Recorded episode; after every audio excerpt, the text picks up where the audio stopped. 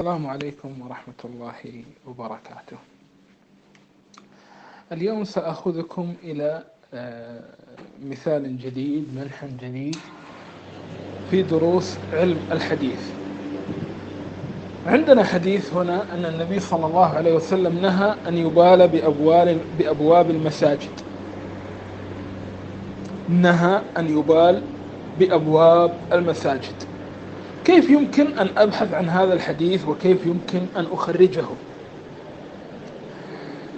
في الواقع يمكنني البحث من طريق مثل الجامع الصغير أو غير ذلك ولكن علينا أن نتعرف على باب جديد من أبواب العلم أو نوع جديد من أنواع الكتب الحديثية اسمه كتب المنهيات. هناك كتاب كأنه الحكيم الترمذي أو غيره. في المنهيات ودائما تجد هناك أبواب في المنهيات الشرعية. فتبحث في نهى نهى نهى نهى نهى. حتى أن السيوطي في الجامع الكبيرة والجامع الصغير جعل لها بابا خاصا باب المنهيات. يعني كان هناك درجة من الناس من العلماء يهتمون بموضوع المنهيات الشرعية.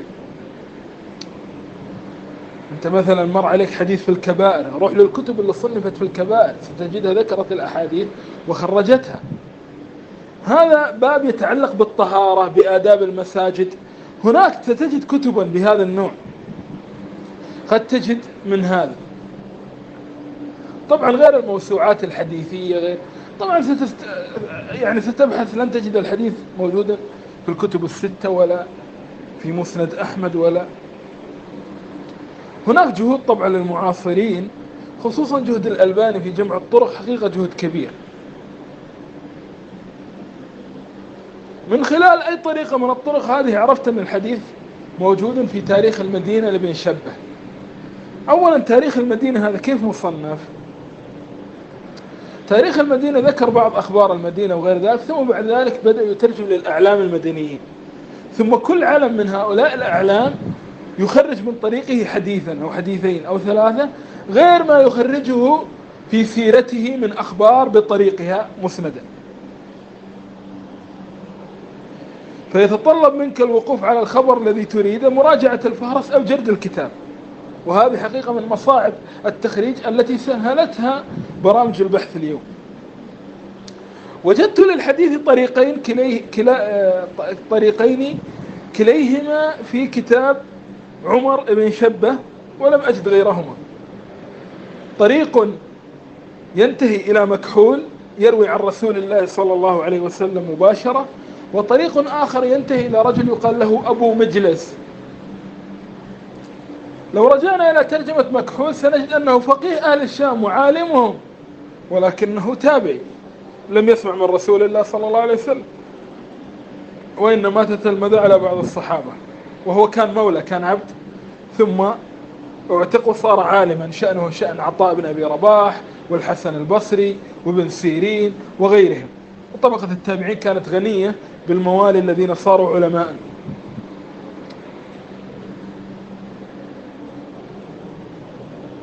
المرسل نعرف أنه من قسم الضعيف ولكن نحتاج أن نبحث إلى عن ما يقويه.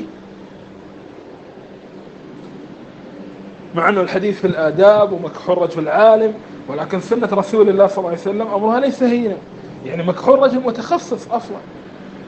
مكحول تتلمذ على أنس وعلى غيره ورجل بين ولادته ووفاة النبي تقريبا أربعين أو خمسين عاما فقط. والسند إليه ثقات. وجدنا طريقا آخر لرجل يقال له أبو مجلس تبحث في الكنى تجد أبو مجلس اسمه لاحق بن حميدة بلا ترجمة تجده ثقة. ولكن أبو مجلس هذا أيضا تابعي. لم يسمع النبي صلى الله عليه وسلم. ننظر في مكحول نجده شامي. ننظر في أبي مجلس نجده كوفي. هذا يجعلنا نتحمس إلى أن نقوي الخبرين بعضهما ببعض لأن هذا يقلل احتمالات أن يكون مرجع المرسلين رجلا واحدا. لماذا نحن لا نقوي المرسل بالمرسل؟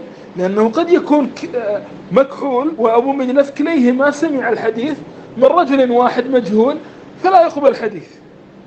ولكن إذا كان مفترقا مفترقين في الديار فإن ذلك يعني يجعلنا نقوي احتمال أن يكون هناك أكثر من طريق فهذا يؤدي إلى ثقة أكبر بالحديث خصوصا وأن الحديث لا يخالف قواعد الشريعة العامة. ولكن هنا يقال انتبهت لشيء وفاتتك أشياء. ما هو ما هي الإشكالية ها هنا؟ الإشكالية أن هذا الأمر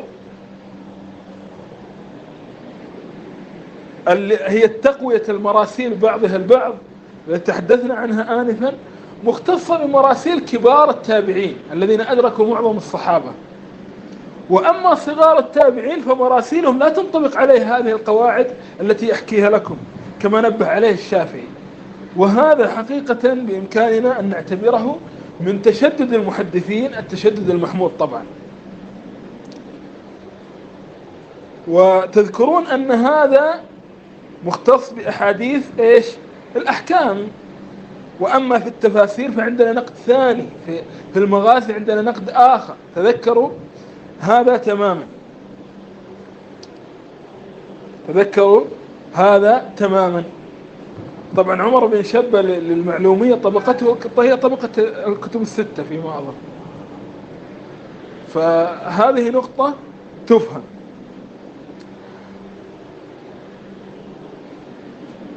ممكن ننظر للمتن فنرى ما فيه. عندنا حديث الأعرابي الذي بال في المسجد. وقال لا تزرموه ثم النبي. ولكن حديث الأعرابي في البول داخل المسجد. وهذا في البول عند باب المسجد. طبعا